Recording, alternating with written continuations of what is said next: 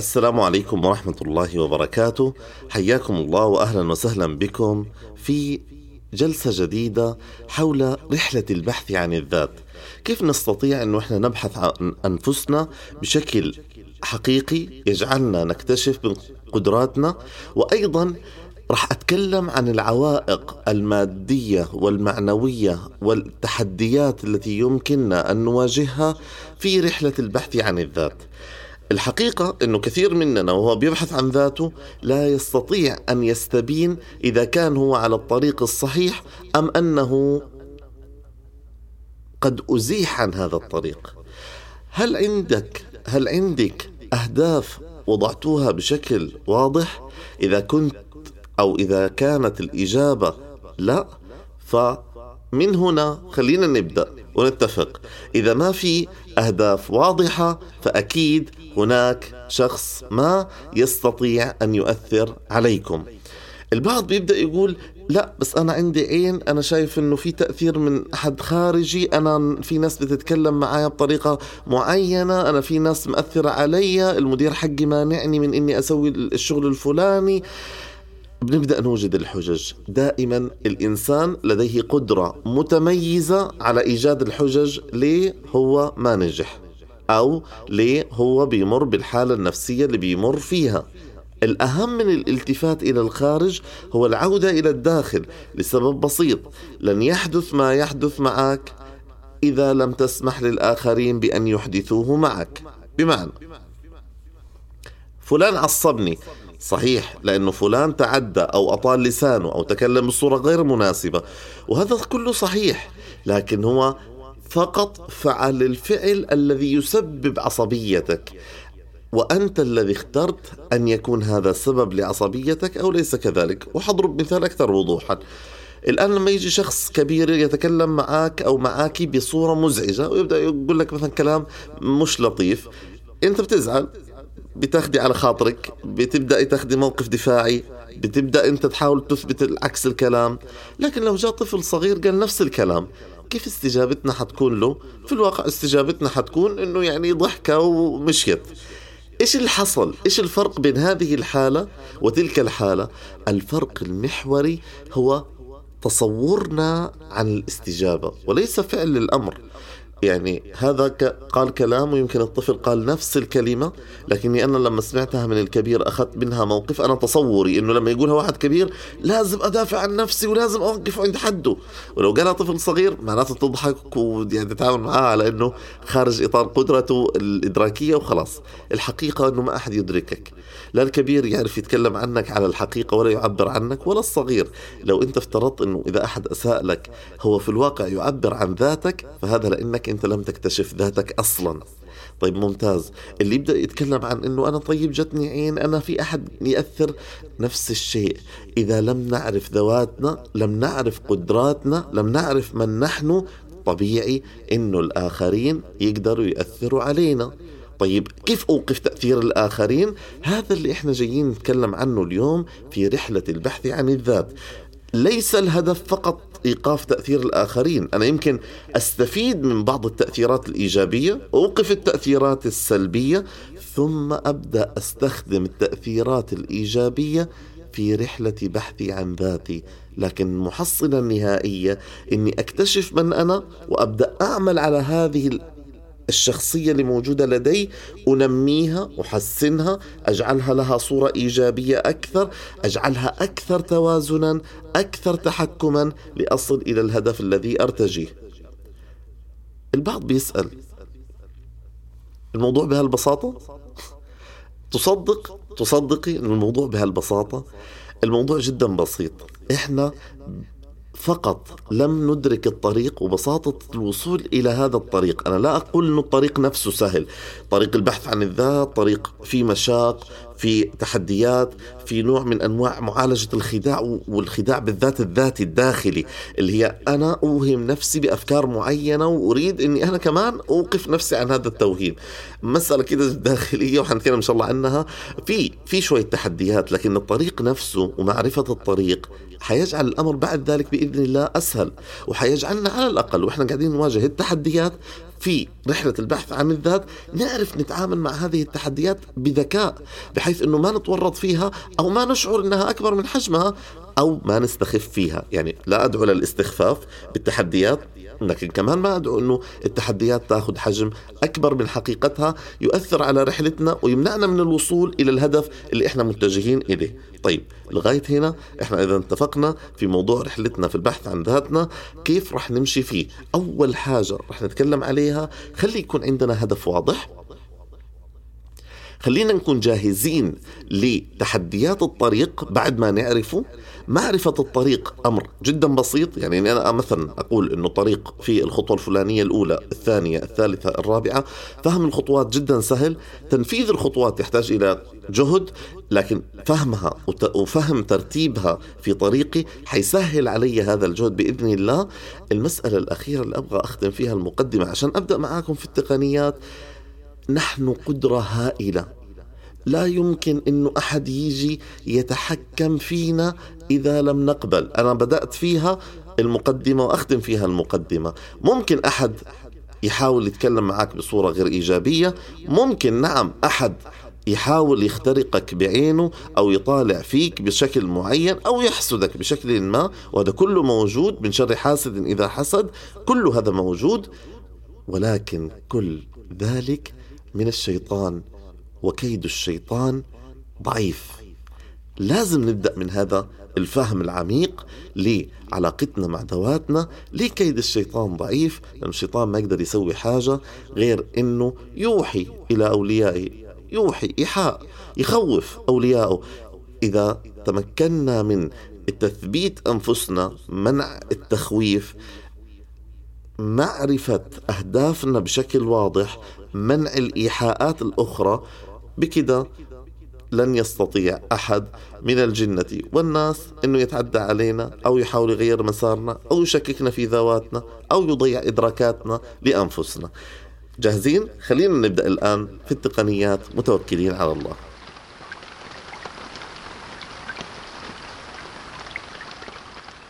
السؤال الأول من هو الإنسان أو من نحن؟ نحن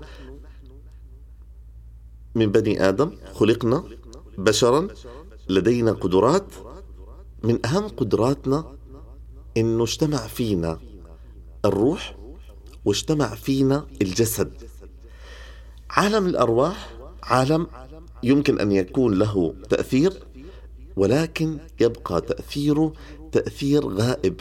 غير مدرك. لا يمكن تحويله إلى شيء مدرك إلا من خلال تجسيد. يعني كأنه في عندنا عالم الأفكار وعالم التجسيدات. في عالم التجسيد إحنا موجودين ومتحكمين. في عالم الأفكار إحنا بنتبادل أفكار بنتخاطر أحيانا أو أحيانا بنتكلم مع بعض. بنتخاطر يعني مثلا أحيانا أنت بتكون جالس مع أصدقائك وبتيجي فكرة على بالك تبغى تقولها وسبحان الله واحد ثاني بيقولها. ممكن لأنه مثلا مر مشهد معين استثار الفكرة عندكم. ممكن لأنك أنت فكرت في الفكرة هو فكر فيها. ممكن حديث سابق وبعدين جاء ظرف كده خلاكم تتذكروها. بغض النظر عن الأسباب اللي بيناقشها علماء النفس أو علماء المتخصصين في الجوانب الطاقة والروح ما إيه، الحاجات الاخرى أخرى خلينا نركز على أنه يوجد عندنا عالم الأفكار اللي إحنا أحيانا بنكون موجودين فيه اللي إحنا بنتبادل فيه الأفكار لكن تبقى الفكرة فكرة ما لم تتجسد. الله عز وجل يعاملنا على التجسيد. إذ جسد خير فلك أجر جسد لا سمح الله شر فعليك إثم. طيب فكرت بشر ولم تجسده. الله الله. معناته سويت خير.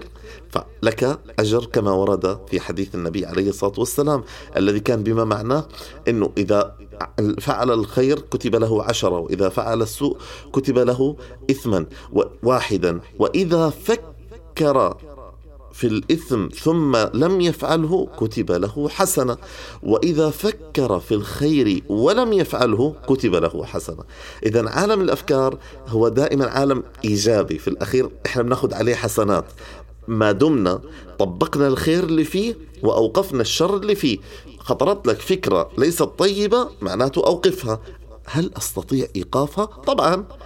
ولذلك الله عز وجل لا يحاسبنا على عالم الأفكار لأنه في عالم الأفكار تأتي وسوسة الشيطان وتأتي وسوسة إنسان تأتي وسوسة الجن والناس وكلهم بيحاولوا يأثروا عليك. مو مهم.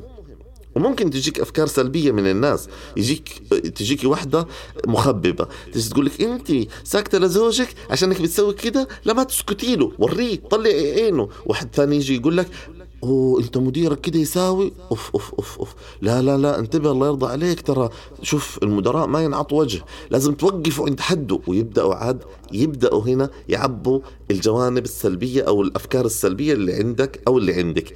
إذا أنتم ما أنتم متقبلين أصلا لهذا تستطيعوا إيقافه. هذا هو سرنا كبشر. نمتلك عالم التجسيد امتلاك كلي ولذلك نحاسب عليه. ولا نمتلك امتلاك كلي عالم الأفكار. ولذلك دائما عالم الأفكار يأتينا بخير. سواء جاءت الفكرة الخيرة فنفذناها فلنا خير أو جاءت الفكرة السيئة فمنعناها فلنا الخير.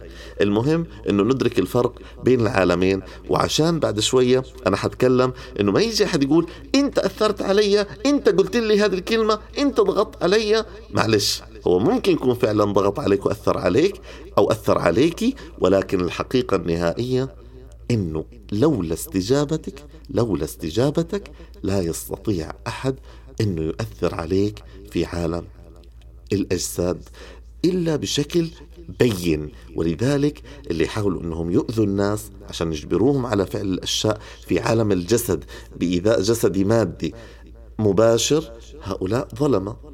وهؤلاء معروف إنه لا هيس مقبول منهم التحكم في حرية الناس متى استعبدتم الناس وقد خلقتهم أمهاتهم أحرار كما قال عمر رضي الله عنه. المسألة الثانية ما هي القدرة التي أوجدها الله عز وجل فينا؟ يعني إيش معنى كلمة قدرة؟ أنا أنا لدي قدرة أو قدرات. إيش القدرة أول حاجة؟ وإيش هي القدرات اللي الله عز وجل خلقها في الإنسان؟ وهل ممكن أحد يتحكم في قدراتي؟ القدرة صفات موجودة في داخل كل واحد منا؟ بيتفاوت. طبعا قدرة الإرادة مثلا قدرة عليا. ما حد يستطيع أنه يتدخل في إرادتي. أنا الذي أريد. أنا أردت أني أغضب حين تعدى علي ذاك الشخص وتكلم. أنا اللي أردت أني أستجيب له بهذه الطريقة. أنا اللي صنعت هذه الاستجابة. هذه قدرة. في قدرات نمت اللي هي منشأها موهبة ثم تطورت. واللي هي مثلا أنه أنا صوتي جميل. فبديت أنسجم مع هذا الصوت الجميل وبدأت الناس تهتم بصوتي فصرت أدرب نفسي على الغناء أو على حفظ الألحان أو مشاكل أو الأناشيد أو قراءة القرآن. فصار في عندي نوع من أنواع اكتساب القدرة. هذا شيء جميل. هذه أيضا قدرة من قدراتنا موجودة. هذه هي قدراتنا. أيضا طبعا القدرة المكتسبة المجردة اللي اكتسبتها من خلال تعليم حتى لو ما عندي موهبة لكني حرصت أني أنا أكتسبها واللي هي بتكون عبارة عن عادة قدرات تقنية. أعرف أستخدم الكمبيوتر ما حد يعني عنده حاجة اسمها موهبة الكمبيوتر. لكن كلنا نستطيع أن نتعلم الكمبيوتر بعد ما أتعلم أنا عندي موهبة التصميم والرسم أقدر أنفذها على الكمبيوتر بشكل فعال ممتاز. ذاك عنده موهبة الصوت والغناء والإنشاد يقدر يطلع صوتيات على الكمبيوتر هذا شيء آخر. إذا الكمبيوتر نفسه هو قدرة تعلم أما المواهب الداخلية الذاتية شيء آخر. فإذا نرجع لفكرة هذه القدرات. الفرق بين القدرات والإمكانيات أنه الإمكانيات شيء مفصول عني شيء عادة يكون مادي أو ممتلكات أو شهادة أو شيء من هذا القبيل. القدرة الذاتية هي فعل فعلية امتلاك الأمر. بمعنى أنا معي شهادة في التخصص الفلاني اللي هو نفترض مثلا في الطب ولكني لا أجيد ممارسة مهنة الطب. إذا أنا عندي إمكانية اسمها شهادة الطب ولكن ما عندي قدرة في ممارسة الشهادة أو ممارسة الفن اللي بيحتاج ممارسته مالك هذه الشهادة. أو العكس أنا عندي خبرة كويسة وعندي معلومات ممتازة في عالم الطب وأخذت دورات مثلا في الهلال الأحمر أو ما شاكل لكن ما عندي شهادة تثبت إني أنا طبيب اذا ما عندي أنا الإمكانية ممارسة الطب أو الإمكانية التي تعطيني هذا المجال ولكن عندي القدرة الذاتية اللي موجوده عندي. ومن هنا بنفرق بس بين القدرات والإمكانيات. طيب إيش المطلوب؟ المطلوب إنه تكتشفوا قدراتكم وإمكانياتكم لكن الأهم قدراتكم. ابدأوا تعمقوا في قدرتكم. أنا إيش قدرتي؟ أنا أعرف لغات بغض النظر معايا شهادتها أو لا أنا أعرف أتعامل مع الناس أأثر عليهم أنا أعرف أقنع الآخرين أنا أعرف أغني أو صوتي جميل في الإلقاء في, في الأناشيد أنا أعرف أرسم ابحثوا عن قدراتكم وعرفوها ليه؟ هذه حتفيدنا بعد قليل في استخدامها كجزء من الأهداف اللي حتضعوها لذواتكم عشان ما أحد يوظف قدراتكم بصورة مخالفة لإرادتكم. اللي صوته جميل بس ما عنده مشروع ينشد فيه أو يقرأ قرآن بتحصل كل شوية في عين بتضربه. ليش؟ لأنه هو الحقيقة هو ما هو محصل حاجة يسويها فبيقول طيب يلا خلاص خلينا نتسلى خلي العين تضرب صوتي وخلي صوتي يخرب. وهذا حقيقة شفناه كثير من الأحيان بيسألوني إنه طيب يعني أنتم بتقولوا العين حق. أكيد. اللي طيب ليش فلان المغني اللي صوته يعني مشقق الدنيا؟ هذا ما حد بيضربه عينه. يا أخي سبحان الله ذولاك الشباب البسيطين اللي يدوب صوته حلو بينضرب عين. بقول لهم ببساطة المغني ذاك مو فاضي ينضرب عين. هذول الشباب عندهم شوية وقت فبيتسلوا بأنهم ينضربوا عين. كل القصة انه استخدموا قدراتكم بحيث إنه ما أحد يستطيع إنه يهاجمها أو إنكم يصير عندكم مساحات لمهاجمة الآخرين لقدراتكم. استخدموها عشان لا تيجي أنفسكم ابتداء تستخدمها ضدكم أو أحد يحاول أنه يستخدمها ضدكم أو تجد فراغ فيقع في هذا الفراغ جزء من هذا الاستخدام السلبي. ثالث شيء إيش هي حدود الإرادة؟ أنا أريد هذا الشيء. طيب ليش ما بيتحقق؟ حشرح هذا الموضوع ببساطة جدا. أنت حر ما لم تضر. ممكن القاعدة اللي هي قاعدة الحرية. ممتاز. هذه هي نفسها قاعدة الإرادة. أنت تستطيع ما دام الأمر في دائرتك. متى دخل في دائرة الآخرين؟ فالآخرين هم الذين يستطيعون. طب أنا إيش أستطيع أني أساوي؟ الآن انتبهوا معايا شوية. انتبهوا لهذه الفكرة. إيش أستطيع أني أساوي؟ أستطيع أني أأثر على أفكارهم. آه. إذا أنت حين تستطيع أنك تؤثر على الأفكار الآخرين ممكن أنك أنت تحاول تطلب منهم أنهم يتعاونوا معك. صحيح. ولكن انتبهوا للتالي. إذا أثرت على فكرة شخص وكان هذا الشخص هو شخص خطأ لن تستطيع أن تستمر في التعاون معه. وعشان كده في قاعدة بسيطة اللي هي أنا أربح وأنت تربح والجميع يربحون. لا أحد يحاول يأثر على شخص عشان يحقق مراداته ولكن أنا أستطيع أن أحقق مراداتي فيما أستطيعه وأترك للآخرين ذلك. حضروا مثال. الآن أنا أتكلم معاكم. لي إرادة أنه الأمر يتحسن من حولي والناس تصبح أكثر قدرة على إدراك ذواتها لأنه لما الناس تصبح أكثر قدرة على إدراك ذواتها تصبح لاحقا حنتكلم إن شاء الله تصبح أكثر قدرة على التعاون مع الآخرين. وأنا أريد أن أجد من أتعاون معه ويتعاون معي ويكون شخص واعي ويكون من حولي أشخاص واعين وأنا كذلك أريد أن أنمي وعيي بهم وأستفيد منهم ولما يبدأوا يكلموني بلغة تكون متقاربة مع اللغة التي أتكلم فيها فكلانا يستفيد. هذا كله ممتاز. اللي أستطيعه أني أسجل مادة صوتية. أنا أفعل ذلك. وأتكلم إلى الآخرين. اللي هم يستطيعوه إنهم يستجيبوا لهذه المادة الصوتية أو يعرضوا عنها. ما أستطيع أني أجبر أحد إنه يسمع مادتي الصوتية. ما أستطيع أني أجبر أحد إنه بعد ما يسمع مادتي الصوتية يستجيب لها. ما أستطيع. لكن أستطيع أني أتكلم. فإذا كان وجد في نفسه الشخص المستمع قناعة إنه أنا ممكن إني أنا أسمعك، أنا ممكن إنه هذا الكلام بالنسبة لي قيم ومفيد، أنا ممكن إني أنا أنفذه في حياتي، إذا أصبحنا هنا شركاء في الإرادة. نريد شيئا واحدا مشتركا. إذا وين حدود قدراتك؟ حدود قدرات حدود إرادتك هي في حدود قدراتك. وين حدود إرادتك؟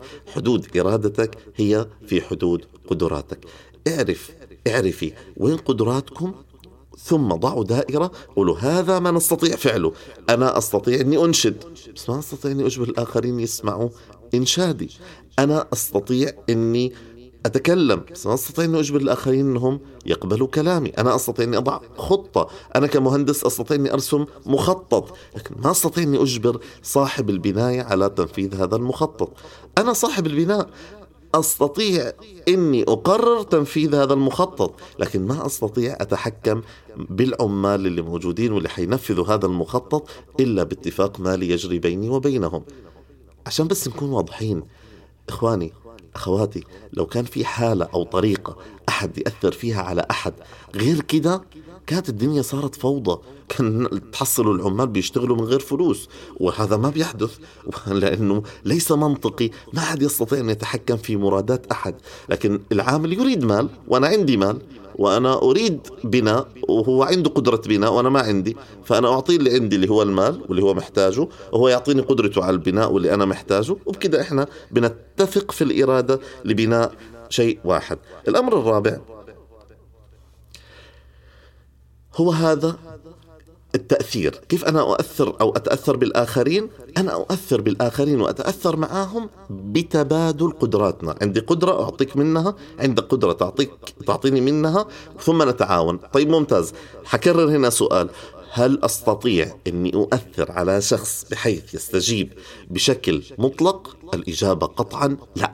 طيب يستجيب مؤقتا حتى استجابته المؤقتة كان لها سبب دوافعي عنده. هو كان يبغى حاجة كان يبغى يستجيب استجابة مؤقتة عشان يحصل بعدين مثلا شخص يلومه عشان يحصل شخص يسند له الأمر. أسباب كثيرة. إحنا درجات الوعي مهمة عندنا. إدراكي لذاتي مهم. ممكن ببساطة إني أريح نفسي وأبدأ أنا أقول هم أثروا عملك. لكن ممكن أيضا أني أعود لذاتي وأتوقف قليلا وأقول أنا إيش كنت أريد؟ حين أستطاع فلان أن يؤثر علي. ليه استطاع أنه يؤثر علي. إيش الجوانب اللي تبادلتها معاه في القدرات أدت إلى التأثير؟ هنا ببدأ أدرك ذاتي بعمق أكبر. أنا هذا الشخص هذه القدرات هذا الإمكانات هذا التبادل هذه الأفكار وهذا التجسيد. كيف استطاع ذاك الشخص إنه يلج إلي يأثر علي؟ هذا لابد إني أنا أدرسه حتى أستطيع أدرك ذاتي أعمق وأستطيع إني أتحكم فيها بدرجة أكبر. خامسا كيف أقيس حقيقة الأفكار؟ جاني أنا وهذه ذكرتها حتى في سلسلة مبادري الأعمال. في موضوع تحصيل الأموال. الآن أنا شغال كمبادر أعمال وفلوسي في السوق وابغى أجيب فلوسي من التجار. كيف أتعامل مع الناس بشكل إني أحافظ على مالي؟ هذا مثال كان بسيط ومباشر. ذكرناه في مبادري الأعمال في سلسلة تدريبية مسجلة عندنا على الساوند كلاود هذه الفكرة اللي هي إنه الناس ثقة هم ثقة. أبغى فلوسي منهم آه لازم تحط نظام لأخذ المال منهم. عشانهم ثقة أنت حتحط نظام لأنك أنت تعرف إنه اللي اللي مش ثقة أصلا ما حي يعني حيدفع لك فلوسك حتى لو حطيت له نظام. لكن الثقة يبغى له أيضا نظام. ليه؟ لأنه الناس تنشغل تتشتت ما هي مدركة لذاتها لإمكانياتها للتعاون بينها وبين الآخرين للعمل الفريقي. اذا إيش الحل؟ حط نظام. وهذا فكرة العقود. اللي هي آية المداينة أطول آية في القرآن. جزء منها إنه إحنا نتفق على الآلية اللي حنتعامل فيها حين يكون هناك أموال متبادلة بيننا. كيف أعرف الحقيقة في تعاملي وتعاوني مع الآخرين؟ لو جيتنا وقلنا إنه لأنه فلان ثقة أنا حمشي معاه فهذا ليس خيارا دقيقا. لأن الله عز وجل يقول ولا تزكوا أنفسكم هو أعلم بمن اتقى. يعني لا نزكي أحد. طب كيف؟ لكن إذ يظن المؤمنين والمؤمنات بأنفسهم خيرا. إحنا نظن فينا خير هذا شيء آخر في فرق بين إني أنا أزكي أقول لا هذا ممتاز ما تخاف منه وبين إني أقول إن شاء الله ما دام يعني من أهل الإيمان هو من أهل الخير أو من يعني من الناس اللي حولنا هو إن شاء الله من أهل الخير وإحنا نعتقد فيه الخيرية. مبادئة حسن الظن وليس مبادئة سوء الظن. تمام؟ ثم نضع نظاما للتعامل مع هذا الأمر. النظام أهم من الأشخاص. مرة أخرى احفظوها جيدا. النظام في حفظ الحقوق في حفظ الحقوق أهم من الأشخاص. هذا ممتاز جدا رائع. في نظام يحفظ علاقتي فيه آية المداينة يعني جدا ممتاز. ما في نظام يحفظ حقي معاه حتى لو هو شخص جيد حتضيع الحقوق لأنه حندخل في حالة التوهم. فخلينا نتفق على حاجة. أنا أبغى أقيم هذا الشخص. كيف أقيمه؟ لا أقيم ذاته. ما حد يعرف ذاتك. ما حد يعرفك لما تكون لحالك. ما حد يعرفك لما تكون لحالك. إيش حتساوي؟ لكن أنا أقدر أعرف كيف أنت بتعامل الناس. أنا ولذلك الناس بتسأل. كيف بيتعامل معكم في التجارة؟ كيف تبادل الأموال؟ بيسدد أو ما بيسدد؟ التجار يعرفوا هذا الكلام كويس. ومنها ببني طريقة تعاملي معك. إذا مرة أخرى اكتشفوا النبي عليه الصلاة والسلام لما جاء لقومه بالقرآن. كانوا يسموه الصادق. ثم صاروا يسموه الساحر أو الكذاب. أي لكن وين كان الحكم بينهم؟ ما هي الرسالة التي جاء بها؟ لما جاء النجاشي وقف جاء القوم الرسول عليه الصلاة والسلام قوم الصحابة قالوا بقيادة عمرو بن العاص من طرف قريش قالوا رجع الصحابة لمكة فسمع منهم قال تكلم أنت يا عمرو بن العاص. وليتكلم الطرف من المسلمين اللي جو يستعينوا فينا ويستنجدونا ويستجيروا فينا ونسمع منكم. فلما بدأوا يتكلموا هو الآن لا يأخذ موقف من عمرو بن العاص مع إنه عمرو بن العاص جاي من قبل قريش المعروفين المعرفين لديه. وهؤلاء جايين هاربين من قريش. اذا هؤلاء عليهم يعني أصلا لفتة ليست إيجابية. هم هاربين من قومهم. فلما سمع من عمرو بن العاص وسمع من المسلمين أو سمع من وفد قريش وسمع من المسلمين وكان عمرو بن العاص رجل متكلم رجل مقنع يقول عن نفسه كنت إذا أقنعت شخص أو أردت يعني أني أتكلم مع شخص أكون أنا وهو على نفسه من كثر ما الناس كانت تخشى قدرته الإقناعية لكن النجاشي هنا استخدم ميزان مختلف عن الأشخاص. لما سمع الكلام قال هذا هو الحق. آه إذا الحكم وين؟ الحكم في المحتوى في الرسالة. كيف أعرف كيف عرفوا أن النبي عليه الصلاة والسلام نبيا رسولا ليس كما يزعمون ويدعون ويكذبون عليه عليه الصلاة والسلام؟ لأنه جاءهم برسالة حق من عندي علام عليم. كما كان يسمع الأعرابي تلاوة القرآن فيقول هذا كلام لا يمكن أن يكون من بشر لا يمكن أن يكون إلا من رب كريم.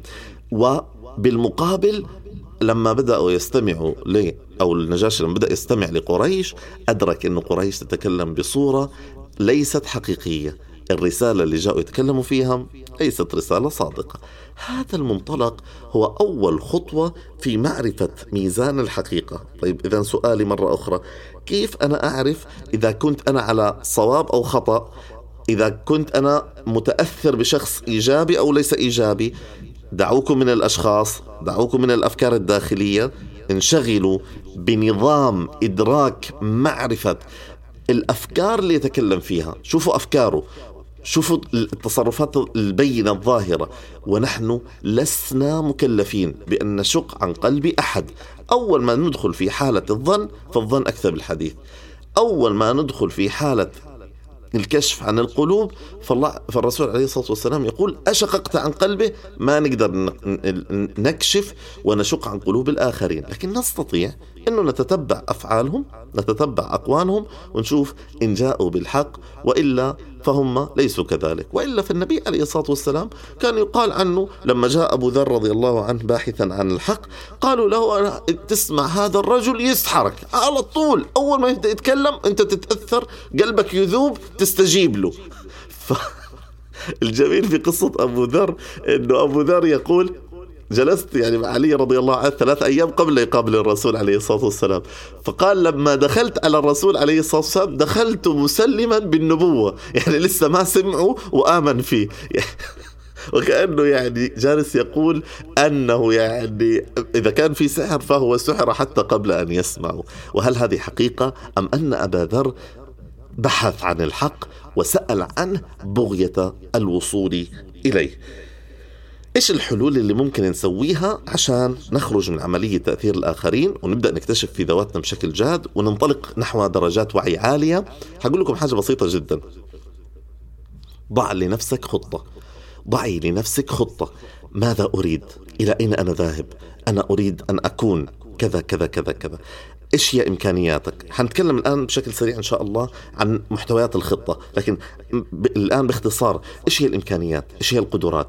إيش الخطوات اللي أنا حاسلكها؟ إيش الأهداف التي أريد أن أحققها؟ كلها ضعوها أمام أنفسكم بشكل واضح وصريح ثم بعد ذلك قرروا أن تنطلقوا نحو أهدافكم بنجاح.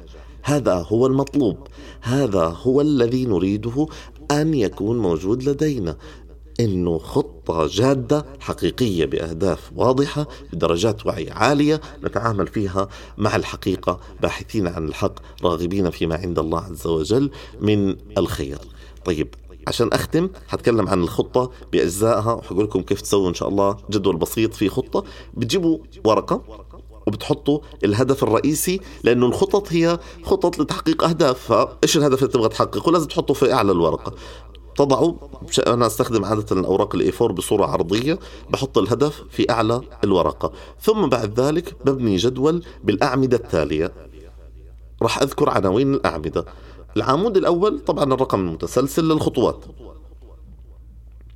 العمود الثاني لأنه هذا الرقم متسلسل أحيانا أنتم بتستخدموه عشان تعدلوا مثلا تكونوا كتبتوا الهدف أو الخطوة رقم ثلاثة بعدين تكتشفوا إنه لا نبغى نقولها للخطوه رقم اثنين والرقم اثنين تصير هي ثلاثة. فبنحط فراغ للمتسلسل حتى نعدل عليه أرقام الخطوات. بعدها العمود الثاني خطوات العمل. إيش هي الخطوات اللي أنتم حتمشوا فيها؟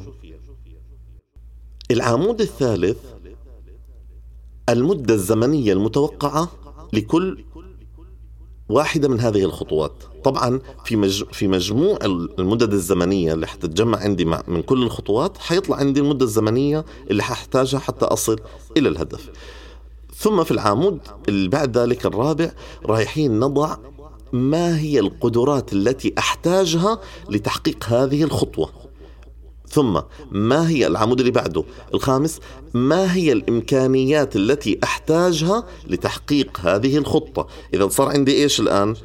خطوات زمن لكل خطوة القدرات اللي بحتاجها في كل خطوة الإمكانيات اللي بحتاجها في كل خطوة ثم الأشخاص اللي حيكونوا موجودين معايا في كل خطوة إذا كان يوجد أشخاص أحتاج أني أستعين فيهم.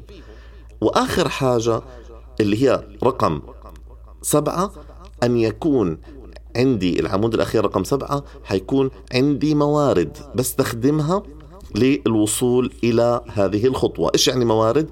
الموارد هي جزء منها الإمكانيات لكن الجزء اللي إحنا نقصده هنا الإمكانيات الخاصة فيك الذاتية الخاصة فيك اللي أنت تملكيها لكن الموارد مثلا أحتاج إلى مال من شخص آخر أحتاج إلى أجهزة معينة لتحقيق هذا الأمر أحتاج إلى آه، نوع معين من الأدوات العدد أي حاجة. هذه كلها موارد أيضا بجهزها وطبعا بعد ذلك ممكن نضع عمود أخير للملاحظات خارج إطار الجدول لإضافة أي ملاحظات بنحب نضيفها غير هذه الخطوات. حتتفاجئوا بعد ما تبنوا الجدول بهذه الطريقة وتبدأوا تفكروا بطريقة الخطوات. لا تخلطوا الخطوات يعني نحن الآن مثلا لو جيت أنا قلت لو واحد يبغى ينطلق من جدة إلى الرياض حتقول حركب سيارة ويمشي من جدة إلى الرياض. مو صحيح. الحقيقة أنه الخطوات كالتالي راح يجهز سيارته راح يركب السيارة عشان يقودها راح يبدأ بقيادة السيارة راح يحدد مواقع للاستراحة ثم راح يحدد نقطة الوصول. هذه خمسة خطوات. إحنا إيش مشكلتنا؟ إنه بنحط كل الخطوات في خطوة واحدة فبتضيع. لا لا حاولوا تفصلوا الخطوات قدر استطاعتكم كل ما كان تفصيل الخطوة أكثر دقة كل ما كان قدرتكم على رؤية الخطوات أكثر وضوحا. طيب متى أضع خطط ومتى ما أضع خطط؟ في الرؤى البعيدة في الأهداف الكلية ما بنضع خطط؟ بنضع أهداف ورؤى أشياء نريد أن نصل لها. لكن الخطط وين توضع؟ ونضع استراتيجية. إن شاء الله بإذن الله حيكون في نقاش حول موضوع الاستراتيجية. واللي يحب ممكن يرجع لموضوع الاستراتيجية في مبادري الأعمال. حيكون فيها بعض الأفكار اللطيفة في هذا الاتجاه. لكن الخطط توضع لأهداف قريبة. أنا أريد أن أتحرك من جدة إلى الرياض لازم أحط خطة. أنا أريد أني أسجل هذه المادة الصوتية لازم أحط خطة. أنا أريد أني أدخل في مسابقة لحفظ القرآن الكريم لازم أحط خطة. عندي خط أشياء واضحة ذات مشاريع بينة لها بداية ولها نهاية. هذه هي الخطة لها بداية ولها نهاية. في هدف معين لازم أحققه في خطوات وفي احتياجات ومتطلبات لازم أسويها. متى حققت هذه المعادلة؟ أستطيع أني أصل بإذن الله إلى أهدافي. أتمنى أنه تكون هذه المادة الصوتية واحدة من أدوات أو من الخطوات الرئيسية اللي حتساعدكم إنكم تدخلوا في عالم اكتشاف الذات وتسلكوا هذا الطريق بإذن الله نحو اكتشاف ذواتكم والهدف من قبل ومن بعد في الأول والآخر والظاهر والباطن هو الوصول لرضا الله عز وجل دائما دائما دائما. نصيحة سوف أختم فيها اجعل القرآن قرينك فهو تبيان لكل شيء. استخدموا القرآن اجعلوه في أنفسكم موجودا اقرأوه استخدموا آياته بمعنى اجعلوه. ربما لفظ استخدام ليس هو المقصود وإنما تفاعلوا مع اياته بصورة إيجابية تجعلكم تحققوا أهدافكم لأنه فيه هدى للناس. أسأل الله عز وجل أن يكتب لنا الهداية والتوفيق وأن يحفظنا ويرعانا. هو ولي ذلك والقادر عليه. نلقاكم على خير. محدثكم محمد عايش. السلام عليكم ورحمة الله وبركاته.